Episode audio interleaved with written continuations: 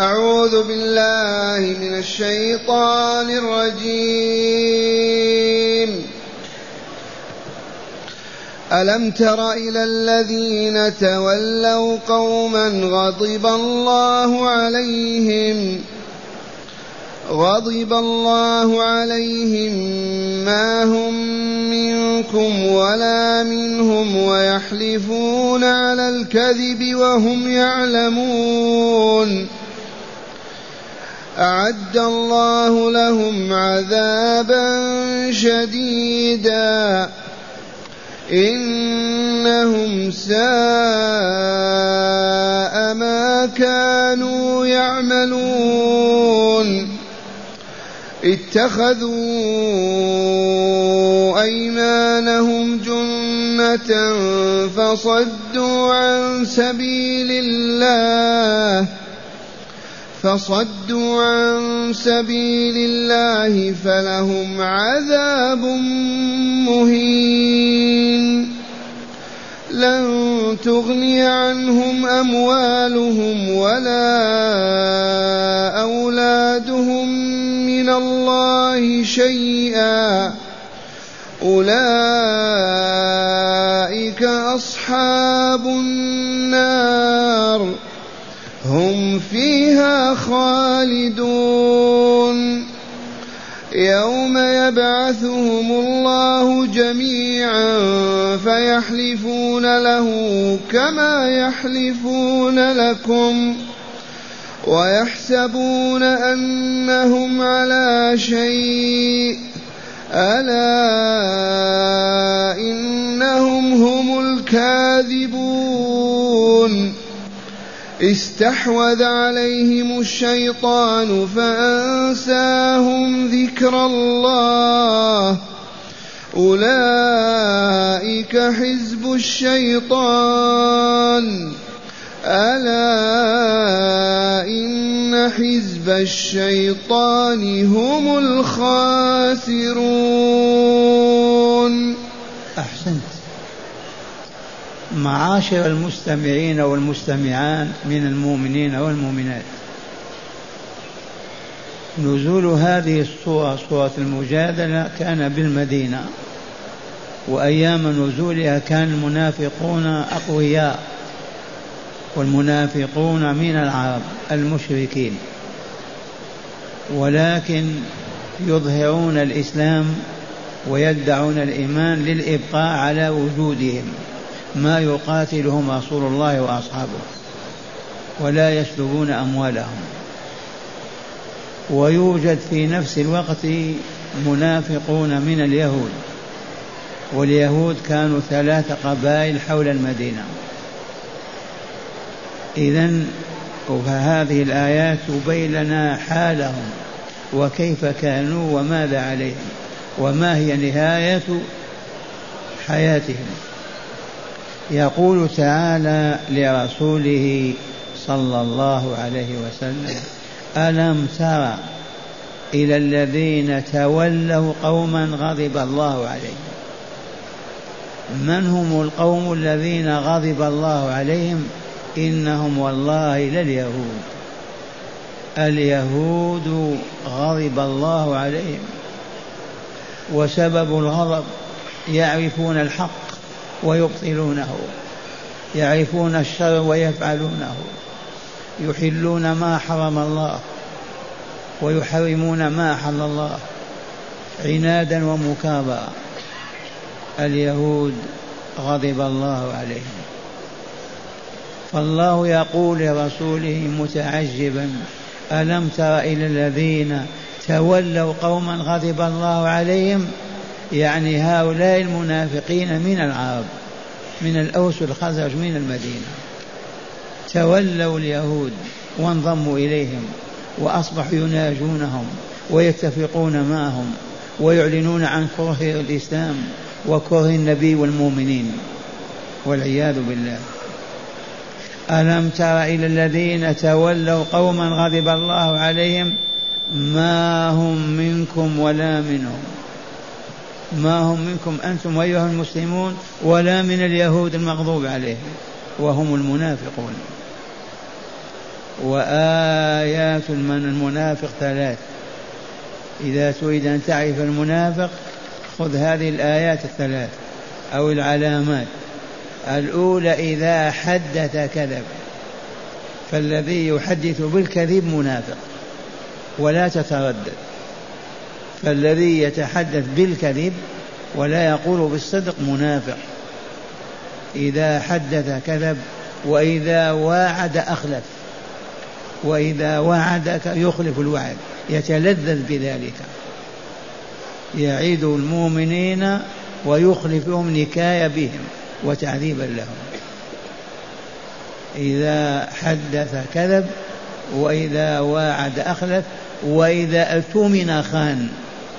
إذا أتمنته على مال على إنسان على كلمة يخون دي مهمته. إذا واعد أخلف وإذا حدث كذب وإذا اؤتمن خان والعياذ بالله. فهؤلاء المنافقون يقول تعالى عنهم ما هم منكم ولا منهم ما هم منكم أيها المسلمون ولا من اليهود. أبدا. اليهود يؤمنون بيوم القيامة وهؤلاء لا يؤمنون. ويحلفون على الكذب وهم يعلمون أنهم كاذبون ويحلفون. ومن هنا المؤمن الصادق والإيمان لا يحلف بالكذب, بالكذب ابدا. لا يحلف إلا بالحق كما لا يحدث إلا بالصدق. لا كذب ولا خيانة ولا غش ولا خداع. ثم يقول تعالى ويحلفون على الكذب وهم يعلمون أنهم كاذبون والعياذ بالله. ثم قال تعالى أعد الله لهم عذابا شديدا. هيأ الله لهم واحضر وأعد في جهنم عذابا شديدا. سوف يذوقونه. ما إن تخرج روح أحدهم إلا وهي في الجحيم. أعد لهم عذابا اليما شديدة العلة لذلك إنهم ساء ما كانوا يعملون. عملهم قبح وساء وفسد لأنهم يعيشون على النفاق.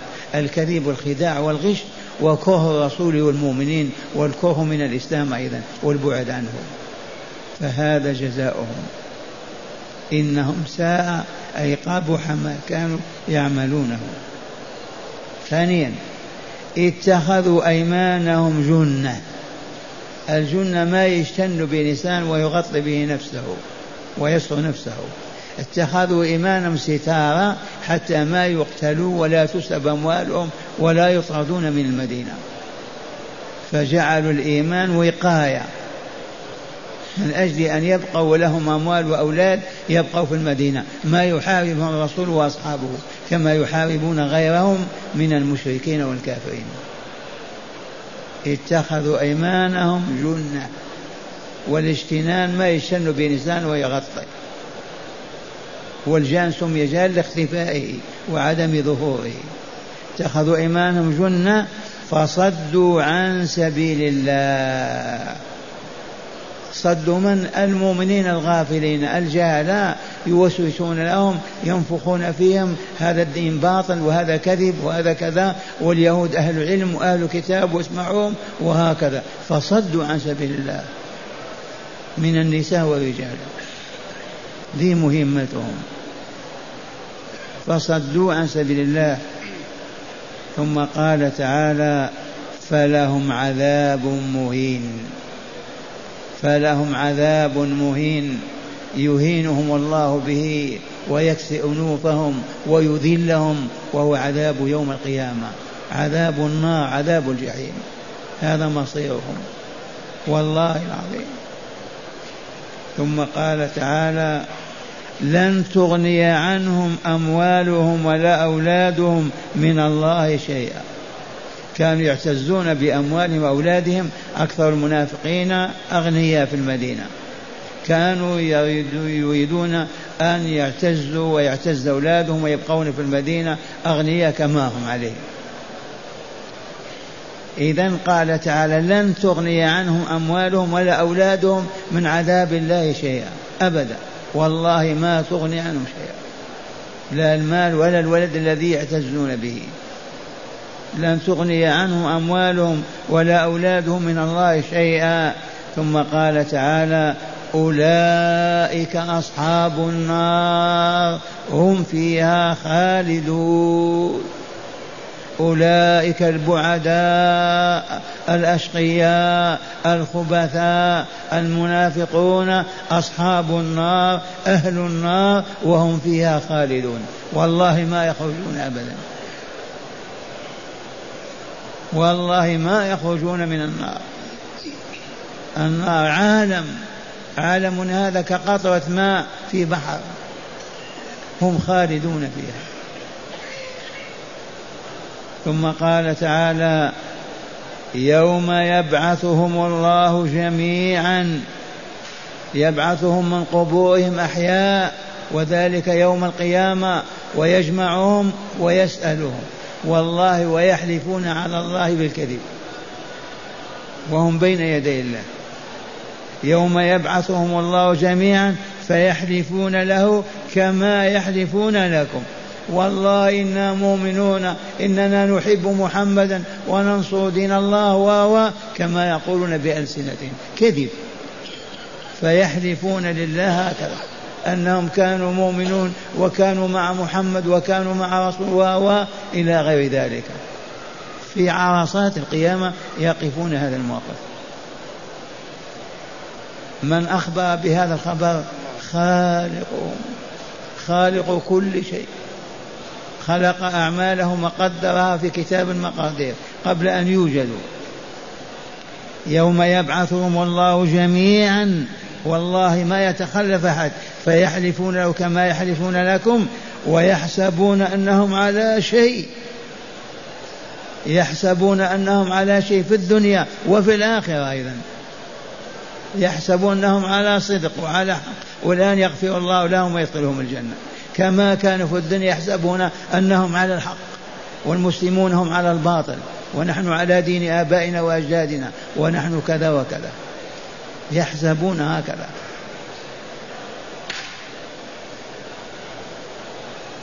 يحسبون أنهم على شيء. قال تعالى ألا إنهم هم الكاذبون. ألا إنهم هم الكاذبون. وفعلت الآيات ما فعلت. فدخلوا في الإسلام. ما مات الرسول وفي المدينة يهود. منافق واحد. ما قبض الرسول صلى الله عليه وسلم في المدينة بعد عشر سنوات ولا في المدينة منافق واحد. بسبب هذه الآيات هذه الهداية الربانية. ألا إنهم هم الكاذبون. ثم قال تعالى استحوذ عليهم الشيطان. استولى عليهم. فتحوا صدورهم قلوبهم عيونهم للشيطان فدخل فيها فاستولى عليهم فيسوقهم إلى المعاصي. يدنيهم من الذنوب يقربهم من الآثام يبعدهم عن الحق يبعدهم عن الخير يبعدهم عن الفضيلة. استولى عليهم كما تستولي أنت على غنمك تقودها وتسوقها حيث تشاء. فكذلك الشيطان فعل بهم. لماذا؟ لأنهم هم الذين قدموا له نفوسهم واستجابوا لوسواسه واستجابوا لدعوته واستجابوا لحربه للإسلام ولدين الله. إذا استولى عليهم. هكذا أخبر تعالى بقوله ألا إنهم هم الكاذبون. استحوذ عليهم الشيطان فأنساهم ذكر الله. معشر المستمعين معشر المستمعين ملايين من المسلمين استحوذ عليهم الشيطان. والله ما يذكرون الله. والله ما يذكرون الله. ولا يستغفرونه ولا يتوبون إليه ولا يقلعون عن الذنوب ولا يبتعدون عن المعاصي ويدعون أنهم مسلمون. استحوذ عليهم الشيطان. ما يذكرون الله. يأكل كالبهيمة ويشرب كالبهيمة. ما يقول بسم الله ولا يقول الحمد لله. يتناول الطعام ما يقول بسم الله أبدا. ما يذكر الله. يفرق من الطعام ما يقول الحمد لله. نسوا الله فأنساهم أنفسهم. أولئك هم الفاسقون. فلهذا ينبغي أن نعلم أن ذكر الله قوتنا. ذكر الله قوتنا والله لا يفارقنا ساعة من من ساعة ما عدا ساعة النوم فقط. دائما مع الله. نذكر وعد الله لأوليائه نذكر وعيد الله لأعدائه نذكر شرع الله نذكر ما أنزل الله نذكر ما تفضل الله به نذكر مصيرنا إليه عودتنا إليه. دائما بسم الله والله أكبر ولا إله إلا الله والحمد لله. في الصلاة وخارج الصلاة. أما الذين استولى عليهم الشيطان فأنساهم ذكر الله. ما يذكرون الله. وهل الذي يسرق يذكر الله؟ ممكن. يذكر الله يمد يده يسرق. والله ما يذكر الله. هل الذي يجلس هكذا ويأخذ الخمر يشربها يذكر الله؟ والله ما يذكر. لو ذكر الله بكى. ورمى بالقارورة على الأرض وقال كيف أعصي الله وأخرج عن طاعتي وأشرب ما حرم علي أن أشربه فالذنوب كلها والمعاصي من قلوب يابسة. يابست سببها ذكر ترك ذكر الله. القلوب تحيا بذكر الله. ألا بذكر الله تطمئن القلوب. وتسكن وتستقر وتهدى والذين لا يذكرون الله كيف تطمئن قلوبهم؟ معشر المستمعين والمستمعات لا نفارق ذكر الله ابدا في كل احايينا إلا إذا دخلنا المرحاض فقط. حتى دخولنا المرحاض نقول بسم الله أعوذ بالله من الشيطان الرجيم. نخرج نقول الحمد لله الذي عافاني مما ابتلاني. ما نفارق ذكر الله ولا يفارقنا. والغافلون يجلس ساعات ثمان عشر ما يذكر الله فيها. استحوذ عليهم الشيطان فأنساهم ذكر الله. أولئك حزب الشيطان.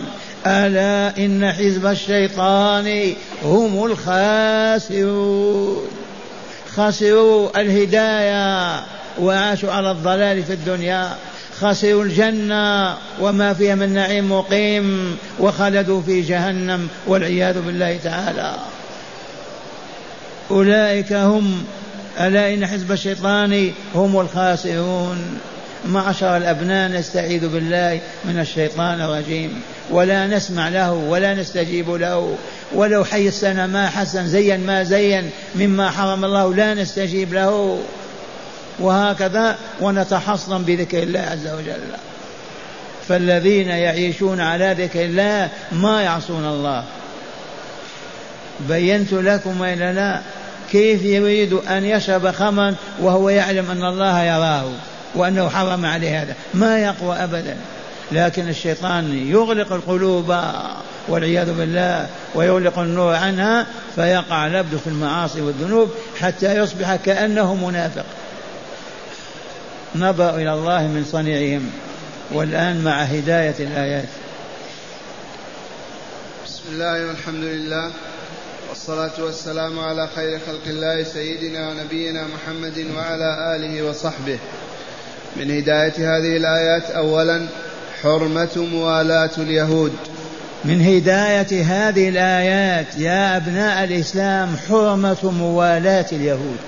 لا يجوز أن نوالي اليهود ولا نستنصر بهم ولا ننصرهم أبدا ولا نحبهم ولا نرضى عنهم بحال من الأحوال وكيف لا وهم قوم غضب الله عليهم. أيغضب ربك عن هذا وتحب أنت؟ أيغضب عنه وترضى أنت عنه؟ إذا ما واليت ربك؟ ما واليت الله؟ موالاة الله ضرورية. نحب ما يحب ونكره ما يكره. فمن هداية هذه الآيات حرمة موالاة اليهود. في أي مكان كانوا وفي أي زمان وجدوا. لأنهم قوم غضب الله عليهم ولعنهم وأعد لهم عذابا عظيما. نعم. ثانيا حرمة الحلف على الكذب وهي اليمين الغموس. ثانيا من هداية الآيات حرمة الحلف بالكذب والعياذ بالله.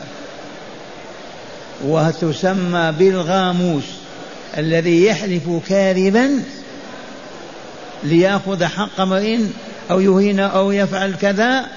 هذا هذه اليمين تسمى بالغموس تغمسه في الذنوب من رأسه إلى رجليه وتغمسه في جهنم. حتى إن بعض أهل العلم يقولون لا كفارة لها أبدا إلا التوبة. اليمين القاموس ما تنفع فيها كفارة تنفع فيها التوبة يجب أن تتوب. أما تطعم عشر مز... عشر مساكن عشر أيام ما ينفع. ومع هذا نقول لا بأس بالكفارة فيها تخفف بعض الشيء. اليمين الغموس أن تحلف بالله كاذبا. والله ما أكلت وأنت أكلت والله ما قلت وأنت قلت. والله ما هذا لي وهو لك. هذه اليمين القاموس. تغمس صاحبها في الذنوب وتغمس في جهنم. ويجب التوبة منها على الفور نحلف بالله صادقين أما نحلف بالله كاذبين والعياذ بالله تعالى كاليهود كالمغضوب عليهم. نعم. ثالثا من علامات استحواذ الشيطان على الإنسان تركه لذكر الله بقلبه ولسانه ولوعده ووعيده بأعماله وأقواله. من هداية هذه الآيات ترك الإنسان لذكر الله. ما يذكر الله. لا عند مشي لا عند قعوده لا عند أكله لا عند شربه لا عند جماعة لا عند قيامه لا عند عمله. هذا والله لممن استولى الشيطان عليهم. فمنعهم من ذكر الله فلا يذكرون الله أبدا. وتارك الصلاة يذكر الله؟ ما يذكر الله. استولى عليه الشيطان. الذي يعيش على الذنوب والآثام منغمسا فيها لا يتقي الله عز وجل استولى عليه الشيطان. وأخذه واستله استلال من جماعة المسلمين فحملوا على الزنا والربا والكذب والخيانة والفجور والعياذ بالله تعالى. إذا من هداية الآيات الذين يتركون ذكر الله استولى عليهم الشيطان. أما قال تعالى فأنساهم ذكر الله. استولى عليهم الشيطان فأنساهم ذكر الله. فالذين ما يذكرون الله عز وجل استولى الشيطان عليهم.